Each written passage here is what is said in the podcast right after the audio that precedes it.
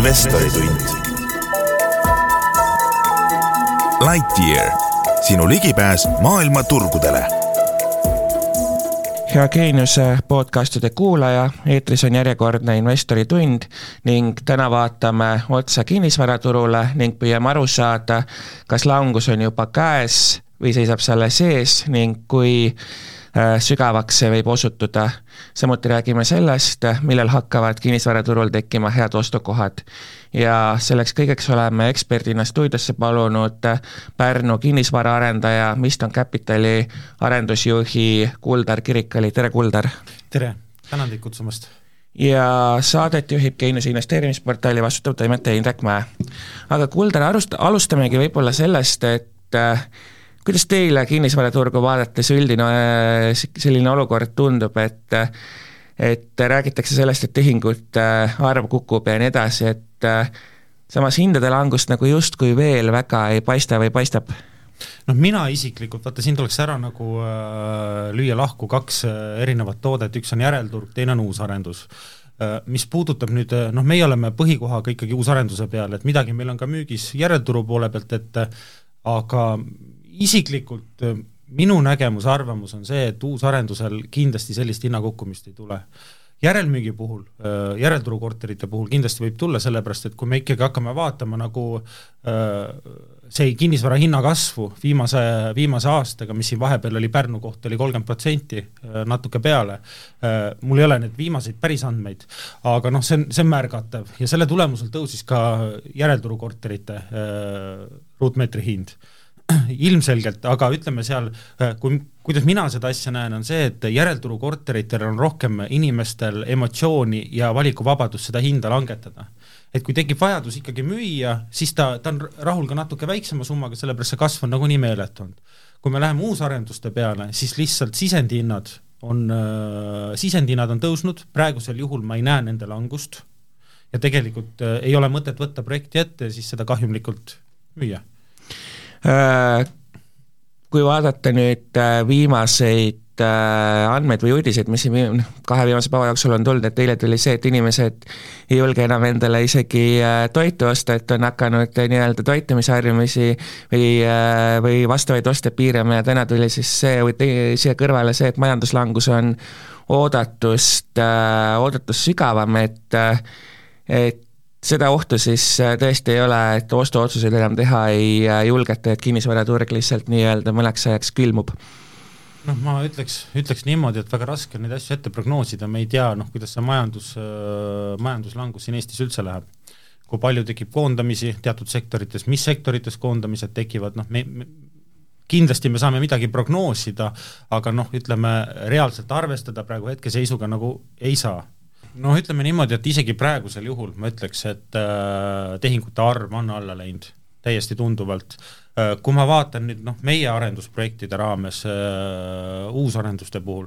äh,, me oleme selle viimase aastaga toonud turule üheksakümmend kuus korterit, millest meil keskeltläbi üheksakümmend on müüdud äh,. kaks kuud äh,, kolm viimast kuust, kuud äh,, viimane kuu, mis praegu on, on huvi tekkinud inimestel, on ostetud, on ka viimased paar tehingut sealt veel tehtud, aga eelnev periood, selline kaks-kolm kuud, siis äh, huvi võiks öelda, oli täiesti nullilähedane. et äh, peale seda, kui meediasse tulid igalt poolt uudised, erinevad äh, arvamused, analüütilised arvamused, kõik, et kinnisvaraturg kukub kokku, peale seda ka inimestel tekkis see kartus sisse, et noh, miks, miks osta nagu praegu, et äkki saab odavamalt hiljemalt arendajate seisukohast vaadates, et äh, teie olete olukorras, kus inflatsioon toob teile sisendhindade tõusu, teisest küljest kui, kui ikkagi ütlete küll, et ei tule langus nii suur, nagu ennustatakse, aga kui mingisugune langus peaks tulema, et et siis äh, äh, kui tõenäoline see on, et äh, et nii-öelda arendusprojektid jäävad kahjumisse puhtalt sellepärast, et ei saa neid tõusnud sisendhindu enam turult tagasi küsida? ma ütleks niimoodi, tegelikult, et äh, kinnisvara arendussektoris meie näitel kindlasti on keeruline aeg olnud juba viimased kaks aastat. sellepärast, et äh, kui praegu eeldatakse seda meeletut inflatsiooni, mis tõenäoliselt ongi seoses selle Ukraina sõjaga, siis tegelikult äh, kui ma noh, ütleme, meil tekkis see ehitushinna meeletu kasv juba eelmine suvi sest kui me nägime, et alu-, alustasime projekti, alustasime esimeste korterite müüki, siis meil olid juba teada ette konkreetsed ehitushinnad, reaalsuses, see oli maikuus, reaalsuses, kui me läksime ehituslepingutesse detsembris, need hinnad olid kasvanud kakskümmend viis kuni kolmkümmend protsenti. Et äh, praegusel juhul äh,, meil alles on üks äh, hange, ei ole veel lõppenud, praegusel juhul ma näen samasuguseid ehitushindasid enam-vähem, nagu oli eelmine äh, talv. kui nüüd äh, vaadata nii-öelda võimalikku hinnalangust või seda mõjutavaid tegureid, siis üks kindlasti on on tõusev Euribor ja ning äh, on kuulda ka seda, et pangad on muutunud finantseerimisel konservatiivsemaks, et kui suur risk just, just Euroopa Keskpanga rahapoliitikaga, teisalt ka pankade nii-öelda äh, Äh, soov äh, kinnisvaraga seotud, kinnisvara ostuks seotud laene väljastada, kui suur risk see teie hinnangul täna kinnisvaraturul on? No kui me räägime uusarendustest ja äh, meie projektidest, siis ütleks niimoodi, et panga, pangaga sooritatud tehingute osakaal on alla viiekümne protsendi. enamus, kes on tulnud, on ostnud need korterid välja sellest äh, circa viiekümnest protsendist on väga palju kliente sellised, kes ei, kes ei tule seda laenu võtma nüüd täismahus, ütleme niimoodi, et nagu võimaldatakse seda noortele peredele kümme protsenti sisse ja ülejäänud on nagu panga finantseeringuga. väga palju juhuseid on, kus on panga poolt võetud ainult nelikümmend protsenti, kuuskümmend protsenti, viiskümmend protsenti et kui ma nüüd ütleks noh, ma, kui ma tooks nüüd selle osakaalu nüüd, et kellel oleks nagu täiel määral see noh, ütleme võetud äh, äh, panga finantseeringuga, siis on meie projektide puhul võib-olla kümme-viisteist protsenti kogu e projektist, mis tähendab, et tegelikult see osakaal nüüd, äh, ta ei ole nii suur. Ja kui ma vaatan nagu pankade käitumist, mitte ainult praegusel juhul, siis tegelikult pangad on konservatiivsed olnud juba kogu aeg ehk siis teie tunnetus on see, et tegelikult äh, inimestel täna raha kontodel on ja ja kes kinnisvara osta tahab, et see ostab nagunii äh, sõltumata siis äh, pangast ja rahapoliitikast? ütleme niimoodi, et isiklikult ma näen, et eks kindlasti mõjutab Euribori tõus kui suurt osakaalu, kindlasti järelmüükide puhul on seda rohkem tunda, kus ütleme, tule võtavad noh, järelmüügi äh, korterite hinnad on odavamad, äh, seal on seda mängumaad rohkem, kus ka tegelikult võtavad noored inimesed laenu, kes võtavad noh, see laenu osakaal on nagu palju suurem, on ju, et kindlasti ta annab, annab mõju kõikidele kogu sellele turule, kuid kindlasti, mis mina nagu kõrvalt näen, on see, et hetkeseisuga on nagu rahvas rohkem ootel, kui seda nüüd, et ei oleks või, võimalik osta kas teie olete siin äh, just viimasel, ma ei tea, kuuel kuul, kui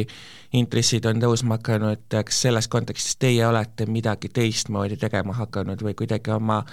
oma äriplaane, asju üle vaadanud või, äh, või pigem mitte? pigem mitte pigem mitte, sellepärast et turunduslikult on alati võimalik kõiki asju lahendada, aga kokkuvõttes, et äh, meil ei ole esit-, esiteks on niimoodi, et meil olemasolevatest projektidest on nii vähe müüa ja reaalsuses äh, ei ole näinud selleks vajadust. Kaks tuhat üheksa, kümme sealkandis äh, nägime olukorda, kus äh, uusarendused seisavad tühjalt, sest keegi ei ole valmis pakutud hinnaga neid ostma, olete kindel, et tänasikust olukorda ei näe?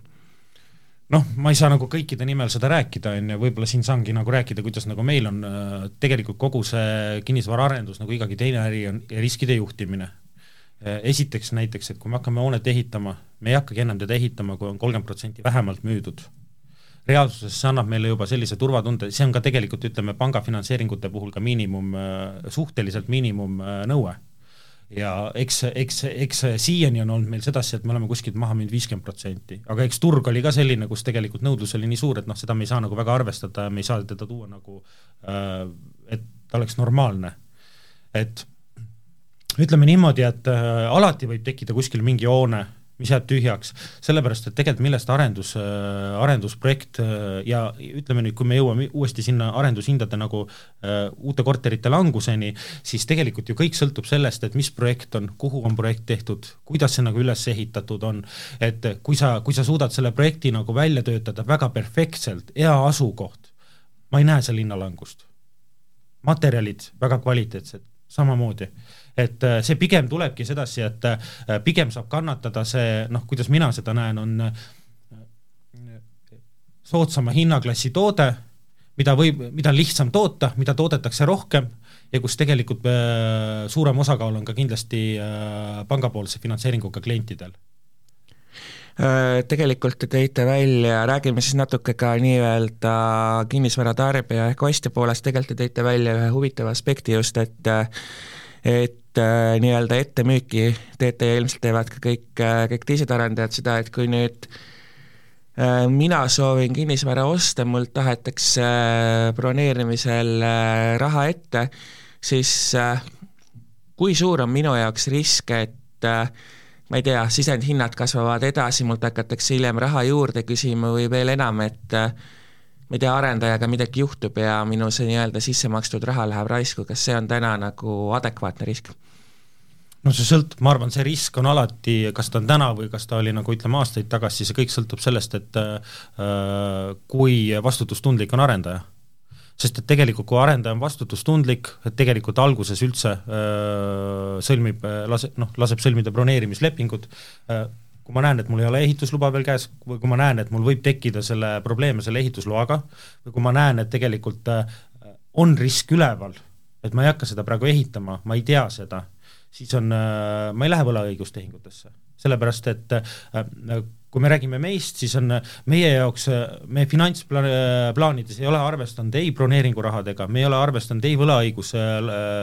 laekunud võlaõigusega laekunud summadega, see pigem on, ta on kapital, mis sul tuleb sisse, aga see on kapital, mis on arvestamatu.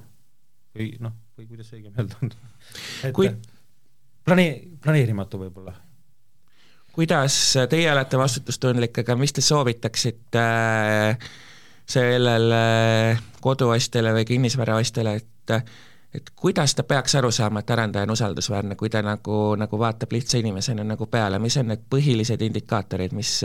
mis nii-öelda peaks punase tulukese põlema panema? noh, mi-, kui mina oleksin kinnisvaraostja, siis äh, kliendi asemel äh, kui ma tajun ära läbirääkimistega, et arendaja on hästi läbi mõelnud tehingud ja näha, et kuidas arendaja kaitseb nagu omapoolselt ka raha, siis järeldus on see, et ta kaitseb ka kliendi raha samas võtmes. et äh, oluline on see no kus ma nüüd ütlen, äh, et aru saada, et arendusprojektid, projektid on nagu väga hästi läbi planeeritud ja kõige olulisem, mis mina näen, on see fi-, finantsplaneerimine kogu selle asja juures. sest et kui arendus, noh, üldiselt, kus ma olen näinud ka ütleme noh, mis teatud noh, meediast läbi käinud, mõnel Pärnu projektil on olnud, et kui on kehv finantsjuhtimine, siis ega sealt projektist ei tule midagi välja ja sul noh, ütleme, kui meie hakkasime projekte tegema ja me praegu ka projekte teeme, siis me tegelikult isegi sellel heal müügi ajal me arvestasime juba sellega, et mis siis juhtub, mis me siis teeme, kui nüüd meil mingid korterid kätte jäävad. et sa pead nagu ütleme ka heal ajal arvestama selliste võimalustega, vastasel juhul tekivadki riskid üles. mis te teete siis, kui teil korterid kätte jäävad? ütleme, kindlasti midagi hoiame, kindlasti midagi anname üürile kõik sõltub äh, vastavalt projektilt, kui palju korterid on, praegu ma ei saa sellest rääkida, sest meil on enamus müüdud. aga reaalsuses äh, jah, ütleme et etapiliselt on samamoodi, et kui ikkagi äh, okei okay,, me arvestame eelmüükidega, saame oma protsendid täis, on ju, äh, reaalsuses selleks, et äh, kasum tuleb ju viimastest korteritest, sa pead kogu selle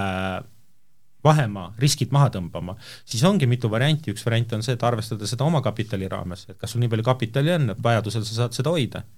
ja noh, ütleme neid valemeid pidi sa seda riski allapool hoiadki äh, arendajate seisukohalt veel rääkides, et kui palju peaksid kinnisvarahinnad selleks langema, et et turul nii-öelda esimesed suuremad probleemid tekiks, esimesed äh, suuremad arendajad hätta jääksid ja nii edasi? see on väga, sellele konkreetselt vastata on nagu väga raske, sellepärast et iga arendusprojekt on täiesti erinev noh, ütleme, kui sul on nagu, kui sul on nagu väga eksklusiivse koha peal maa, tuleb väga eksklusiivne maja, sul on ehitushinnad paigas, sul on võib-olla müügihind veel rohkem paigas, sul on võimalik sealt tulla hindadega nagu rohkem järgi. samas, kui sul on teine projekt, on, toome näiteks, et sul on tunduvalt odavam projekt müügi mõistes, sul on see kasumi maht on suurem, kasumi marginaalsus on väiksem, noh, vot sealt tekib see risk palju suurem, palju, palju rutem. ja vot siin hakkavadki mängima need just need Euribori tõusud ja kogu see muu, muu teema, mis on hästi aktuaalne praegu. kui võrrelda poole aasta tagust aega praegusega, siis pool aastat tagasi tundub, et äh, ei saanud äh, kauplemisruumi absoluutselt hinnas ei olnud, garaažiboksi ja ja panipaika ka oli, oli keeruline nii-öelda endale juurde kaubelda hinna sisse, täna tundub, et arendajad on siiski klientide huvi languse pärast mures, et et olen näinud turul erinevaid soodustusi nagu kommunaalkulude katmine, seesama tasuta garaažiboksid, panipaigad, täna nägin ühte, üks arendaja pakkus, et saab ainult viieprotsendilise sissemaksega ja nii edasi, et et kas äh, täna on siis nii-öelda ostjaturg? võiks öelda küll, äh, ütleme niimoodi, Pärnu seisukoha pealt on äh, võib-olla natuke teine, sellepärast et me, kui hakata nüüd vaatama ka, mis praegu uusarendustes praegu hetkel müügis on, ega no väga ei ole. Reaalsuses on ju, on konkreetsed korterid, eks, eks konkreetsed korterid, kui inimene ostab endale kodu, tal on mingid kindlad eesmärgid, seda valikut nagu väga ei ole ja ütleme nüüd, mis ma nüüd märkusena juurde toon, on see, et äh, noh, varemalt äh, ei olnud võimalik läbi rääkida panipaikade, ei olnud võimalik parkimiskohtadega, siis tegelikult jaa, ametlikult küll, et noh, et äh, võtate panipaiga, võtate parkimiskoha, aga ega meil endalgi tuli neid isegi varasemas perioodis neid juhuseid, kus ikkagi sa läbirääkimiste laua peale teatud olukordades, teatud tingimustel tood ka need kaardid laua peale. et ma ei väli, ma ei ütleks sedasi, et ennemalt nagu seda ei olnud, on ju, nüüd on see tulnud, pigem ma ütleks pigem niipidi, et sõltuvalt arendajast kindlasti praegusel juhul seda lihtsalt reklaamitakse välja äh, milliseid äh, soodustusi veel on, et kui keegi nüüd läheb endale arendusi ostma, siis mida tal kindlasti küsida tasuks? Noh, ma arvan, enamus soodustused on ikkagi praegusel juhul siin äh, meediast juba läbi tulnud, ongi köögid, mööbel, äh, kommunaalmaksete tasumine, noh, ma kujutan ette, et ega väga, väga nagu parkimiskohad, panipaigad, ega nagu väga midagi noh, juurde pakkuda nagu ei oleks, on ju. et nii erineva valdkonna pealt kõik on, kõik on nagu kaetud samas äh, korterihindade, kui, kui isegi langus tuleb, siis teoreetiliselt vähemalt üüriinvestorile peaks see vist olema hea uudis, sellepärast et et eeldusel, et üürihinnad ise ei lange, et siis, siis nad saavad nii-öelda tootlikumaid objekte lõpuks kätte. no kindlasti, alati ju kui ütleme, üüri, üüriinvestor oled, et mida, mida väiksem on investeering, siis äh, seda, seda tu-, tulusam on. ja tagasi, tagasi to-, tootlikkus on palju suurem äh,. Siiski on äh, investeerimise puhul täiesti oluline eeldus see, et äh, üürihinnad siis ei kukuks, et et kui te üürituru peale vaatate, siis kuidas teie tunnetate, et kas äh, nõudlus äh, üürikorterite järele pigem suureneb, et et arvestades kas või seda, et võib-olla laenukapital enam ei ole nii palju, niivõrd kättesaadav kui varem ja nii edasi, et meil on tulnud siia ukrainlased ja nii edasi, et et kuivõrd see nii-öelda üürituru nõudlust mõjutab? oi, tugevalt. ütleks niimoodi, ma räägin jällegi Pärnu, Pärnu võtmes Pärnus on, saab üürituru jaotada ka tegelikult üldjuhul kaheks. üks on see suve lühiajaline rent, teine on pikaajaline rent. et äh, korterid on ka, et kes suvel lühiajalise rendiga tegelevad, siis ega neil on keerulisem seda korterit välja anda siis talveperioodiks, sellepärast et see periood on alati selline, et äh, alates septembrist, lõpetades mai lõpuga, ja tegelikult olgem ausad, et kes sellise pika, sellise perioodi peale seda korterit üürib, tal on väga raske saada maikuust endale uut korterit. Pikaajalisel on, on see Äh, pikaajalisel üüril on, äh, turg on praegu päris aktiivne. Äh, pigem on näha olnud seda, et isegi turul on üürituru kasvu tunduvalt ja praegusel juhul on ka natuke tunda hinnataseme tõusu. noh, ütleme Pärnus on niimoodi, et madalama hinnatasemega korterid, nendele jooksevad, no ma ei saa öelda, et tormi jooksevad, aga nende, nende seas on suur nõudlus ukrainlastel ja see, mis on siis kallima hinnataseme korterid, siis seal on nõudlus noh, eestlased, kes tulevad kes soovivad üüriturule minna. kindlasti ka praegusel juhul just need, et kes on soovinud äh, korterit, kinnisvara osta äh,, on ka oma otsuseid ümber kalkuleerinud, mõelnud võib-olla oodata, on suundunud üüriturule, eks neid kliente on täiesti erinevaid. kas teil on ka mõni hea nõuanne, kuidas äh, täna pangast äh, finantseeringut küsida, milliste argumentidega pankadega läbi rääkida, et et ikkagi äh, kas siis kodu või äh, investeerimisobjekti ost tehtud saaks? Head nõuannet, ma arvan, et selle koha pealt äh, mul on väga raske seda öelda. Äh,, ikkagi pangad on väga professionaalsed ja eks neil on omad äh,, omad analüüdi, analüütili-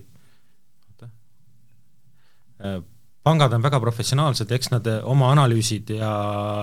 kliendi krediidivõimekuse analüüsivad ise välja et mina nagu selle koha pealt öelda ei oska, mida ma kindlasti noh, inves-, investeerimisprojekti näol, korterite näol välistaksin, on alternatiivrahastused.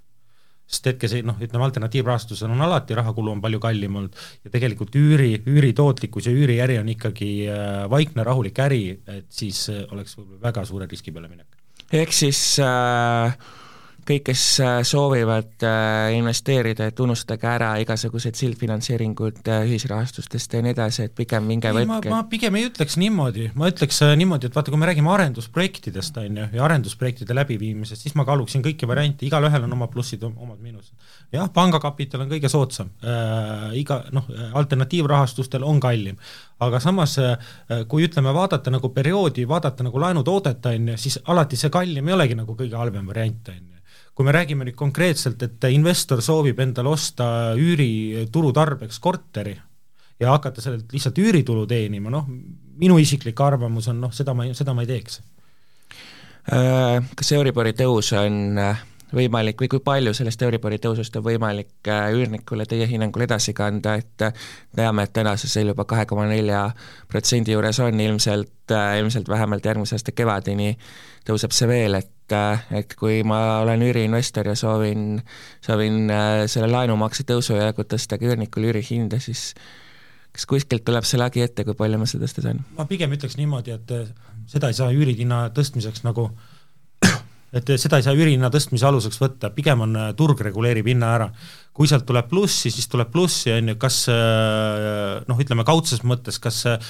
üürnik katab selle kulu ära, noh, seda on raske öelda, see sõltub nii palju korteritest, kus see asub, mis sa saad üüri küsida, sest isegi kui me praegu räägime Pärnus üürituru pealt, siis tegelikult uusarendustes äh,, uusarendustes rannakandis kesklinnas kahetoalise korteri üüri, üürihind läheb sinna viissada kuni kuussada eurot kolmetoalisel on tehtud tehinguid seitsesada kuni tuhat eurot. kolmetoalistel, ütleme vanades majades, noh, mitte päris kesklinn, rand, Mai kandis, noh, eeldatavasti kuskil viissada, kuussada. ja ütleme, kui on vanades majades kahetoaline ka kuskil rannas, sealkandis, noh siis ütleme nelisada pluss kui kõrgeks te näete üldse Euribori kerkimas ja kui suur negatiivne mõju see siis lõpuks üüriinvestori tootlusele on? Tead, ma ütleks niimoodi, et äh, noh, mul on mingi oma nägemus, ma arvan, et ta kuskil sinna neljakanti võib minna, isiklikult ma ei ole analüütik, ma ei oska seda väga prognoosida, siin on erinevad analüütikud ka erinevaid arvamusi avaldanud, et pigem nagu äh, vaatame, kuidas see aeg, aeg toob. millist äh, tootlust täna turult äh,, turult leida teie hinnangul võib, mis on niisugune, niisugune normaalne tootlus, mida, mida, mida taga ajada maksab? Äh, mõtlete siis... üüriinvestori seisukohast vaadatuna okay.? Äh, ma julgeks ennustada, et võiks olla seitse protsenti pluss äh, ajaline kinnisvara väärtuse kasv. Teie, nagu te ka maininud olete, tegutsete Pärnus, mainisite ka seda, et sealne üüriturg on eriline selle poolest, et suvel on aktiivsem ja lühiajalise rendi poole kaldu ja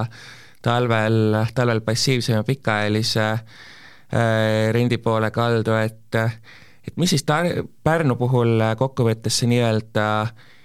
hea kompromiss on, et äh, kas, kas võttagi korteri üürida see pikaajaliselt välja ja lühiajaline ära unustada või või pigem peaks neid ikka kuidagi kombineerima? kõik sõltub investorist, kes tahab saada maksimumtootlikkust äh, üüriturult välja võtta, siis tema peaks kombineerima. suvel peaks tegelema lühiajalise teemaga ja talvisel perioodil pikaajaliselt Äh, ütleme niimoodi, et ilmselgelt see talvisel perioodil pikaajaliselt see üüritootlikkus on äh, väiksem kui talvisel perioodil pikaaegselt äh, sellise korteriga võrreldes, kes annab aastaringselt välja. aga samas teise nurga pealt, et arvestades seda suvetootlikkust, siis ta toob sinna tasakaalu sisse väga tugevalt suve plussiks. muidugi, mis sellega kaasneb, et see on päris suur majandamine suveperioodil. ehk siis see ei ole passiivne tulu, vaid see sisuliselt seal tuleb ikka tööd teha, seal tuleb ikka tööd teha ja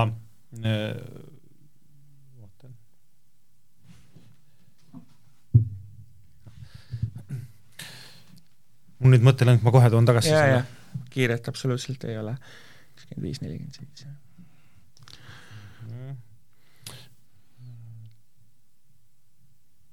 kiilus täitsa kinni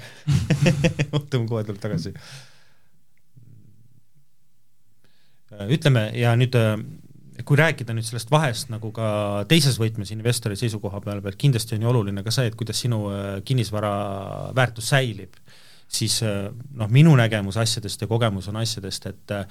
see, kes tegeleb aastaringselt näiteks lühiajalise majutuse, see korter säilib paremini sellepärast sul tegelikult on äh,, sul on kogu aeg juurdepääs korterile, sa kogu aeg pead seda vaatama, sa pead seda üle andma, sa pead seda sättima, samas äh, kui isegi midagi juhtub, sa saad sellele kohe leole. Kui sa annad pikaajaliselt välja, et tegelikult on niimoodi, et sa võid kontrollida küll kõik äh, olukorrad ära, sa võid pildid teha, sul võib isegi tekkida see olukord, kus tegelikult korteris ongi midagi teha, sul võib tekkida nõudeõigus, aga seda noh, ütleme seda tegevust võib nii palju pärast tulla, kus sa tegelikult äh, vaatad, et noh, kui sul on ikkagi uuem korter, äh, võib-olla eksklusiivsem korter, kas ma ikka tahan seda teha, et ma pikaajaliselt selle välja annan? räägime natuke ka sellest, et kuidas head investeerimisobjekti valida, et alustame võib-olla sellest, et äh, kus ta peaks asuma, et kõigepealt noh, teil on kogemus Pärnu osas, kas on see rand, on see kesklinn ja kui te võrdlete äh, linnade kontekstis, siis äh, siis noh, Pärnu, Tallinn, Tartu näiteks, kuivõrd atraktiivne on Pärnu üüriinvesteeringuteks võrreldes eelneva kahega? ma arvan, noh, ütleme üüri kogu tootlikkuselt investorile, ma arvan, niisugused sellised väiksemad linnad on tegelikult tootlikumad kui Tallinn. eks kõik sõltub jälle kinnisvarast, kõik sõltub asjadest, aga noh, ütleme kokkuvõtlikult sest Pärnus annab sesoonsust, tal-, Tartu, Tartu äh, turuga ma ei ole niimoodi kursis, noh et eeldatavasti seal on see ülikoolilinn, noh on tudengid, et seal on ka nagu oma turg. aga noh, kindlasti, kindlasti on siin veel väiksemaid neid kohtasid, Kuressaare, mis annab seda tootlikkust, Haapsalu, noh eks, eks neid kohti on veel, ütleme, ja nüüd ütleme, äh, kui võtta nüüd Pärnu raames seda, kus oleks nagu kõige mõistlikum, siis on vaieldamatult kesklinn ja ranna, rannarajoon kolmandale kohale võib tuua siis Mai, Mai rajooni, mis on siis noh, ta on odavam kui kesklinn rand, aga samas on ka nagu täiesti atraktiivne, sellepärast tal on ikkagi merelähedus. sest kliendid otsivad, mida nad otsivad, nad otsivad jõe lähedus, lähedust, merelähedust, melu, kesklinna, see on see koht, kus tegelikult investor peaks mõtlema ostu peale. kas äh, hästi lähevad pigem väikesed äh, kaheteistruudused äh, odavama äh, hinnaklassi korterid või, äh, või pigem tasuks vaadata niisuguseid suuremaid peredele mõeldud või isegi luksuskorterite segmenti minevaid kinnisvaraobjekte? Ütleme nii, Pärnus kõige paremad tootlikkuse poole pealt on ja noh, ütleme see, mida investorid eelistavad, on tegelikult kahetoalised korterid. kahetoalised korterid, suurus võiks olla kuskil niisugune nelikümmend viis ruutu rohkem suuremat ei ole mõtet, sellepärast et siis see korteri lõpphind läheb juba piisavaks ja see tagasiteenimine, investeeringu tagasiteenimine läheb ka selle võrra pikemaks. et väga, ütleme, mõistlikult väiksed korterid, tubade arv võiks olla kaks ja see on nagu ideaalne investeeringuks. Äh, kindlasti on turgu ka kolmetoalistele äh, ja kolmetoalistel, ütleme, kui üüriinvestori seisukoha pealt vaadata, siis ta suurus võiks olla ka kuskil viiskümmend, viiskümmend viis ruutu kui äh, noh, ütleme, kui arenduse seisukoha pealt rääkida, see, mis nagu klientidele koduks nagu sobitub, on ju, siis on see pigem kuuskümmend viis ruutu. et seal on ka nagu see ära reguleeritud, et kes mis otstarbel seda korterit ostab, sest et tegelikult, et ei ole vahet, kas nüüd üks asi on ruutmeetri hind korteritel, teine asi on korterite lõpphind. tegelikult vaatavad seda poolt nii mõlemad investorid kui ka oma koduostjad. see on ikkagi see lõppasi, mis paneb selle paika, et kas mul on nii palju raha, et seda asja osta või mitte rahast veel rääkides, kas, kuidas te tunnetate Pärnu pankade finantseerimise osas, kas pangad annavad sinna sama heldelt laenu kui kui keskusesse, ehk siis näiteks Tallinnasse või tuleb seal arvestada ikkagi mingite nüanssidega a la, et laen on kallim, risk suurem või, või muud sellist? ma ütleks niimoodi, et äh, arvestades äh, noh, kui palju mina näinud olen klientide poole pealt, kes endale kodusid ostnud on ja neid laenutooteid, siis ma ütleks, et see Eesti pankadega seoses on see samaväärne, mis Tallinnas selge pilt äh, ja nüüd ka kokkuvõtvalt, et, äh, et äh, ütlesite küll enne, et kodu on emotsionaalne ost ja selleks on alati hea moment, aga kui ikkagi pragmatism on inimesel sees, mõtleb, et äkki ma täna ostan tipust ära, poole aasta pärast on mu kodu väärtus juba oluliselt kukkunud, et mis te, mis te sellisele inimesele täna ütlete või soovitate? See on, see on väga hea küsimus, sellepärast et minu isiklik nägemus on ikkagi see, et jätkuvalt, et äh, kui inimene soovib endale kodu osta, kui ta ei vaata investeeringut, noh siis selleks ei ole kunagi vale aeg. kui inimene ikkagi kalkuleerib igat otsust ja vaatab, siis alati on ka see risk üleval, et aga mis siis juhtub, kui ei kuku aga mis siis juhtub, kui poole aasta pärast on veel natuke kallim? ehk siis, et kui täna ära ei osta, et siis on täpselt vastupidine risk see, et äh, jääd lihtsalt turutootlusest ilma? täpselt, täpselt. ja teine asi ongi see, et sa kunagi ei tea tegelikult, kuhu see kinnisvara läheb, et äh, jaa, seal võib mingit langust tulla mingitel projektidel, mingitel kindlasti ei tule, kindlasti mingid projektid võivad hoopis tõusta, on ju, sõltuvalt asukohast, et äh, ma pigem, kui mina seda otsust langetaksin, ehk ma olen ise ka niisugune suhteliselt pragmaatiline, mõtlen, et äh, kas nüüd osta või hiljem, äkki tuleb veel midagi paremat aga ajalugu näitab selles, et seda paremat tuleb alati, võib tulla kuskilt nurga tagant. ja reaalsuses on see, et oma otsuseid selle järgi lõpuks oledki, istudki ja istudki ilma koduta, ei ole mitte midagi ostnud, ei ole kuskil noh, ütleme selles mõistes, et äh, ja sul ei ole, sa ei ole mitte midagi ära ostnud ja tulemus on ikkagi see, et sul ei ole kodu, selles võtmes jah, ja sealt maksad rahulikult äh, selle asemel üüri äh,, üüri ja mis on nagu täiesti igas mõttes negatiivne rahavoog, millesse midagi vastu ei saa. no täpselt, no täpselt. aga sellega täna ka lõpetame, suur aitäh äh,, Pärnu kinnisvaraarendaja Miston Capitali äh, arendusjuht äh, Kuldar Kirikal täna selle intervjuu eest. suured tänud teile ka! Ja investori tund on eetris taas nädala pärast, kuulmiseni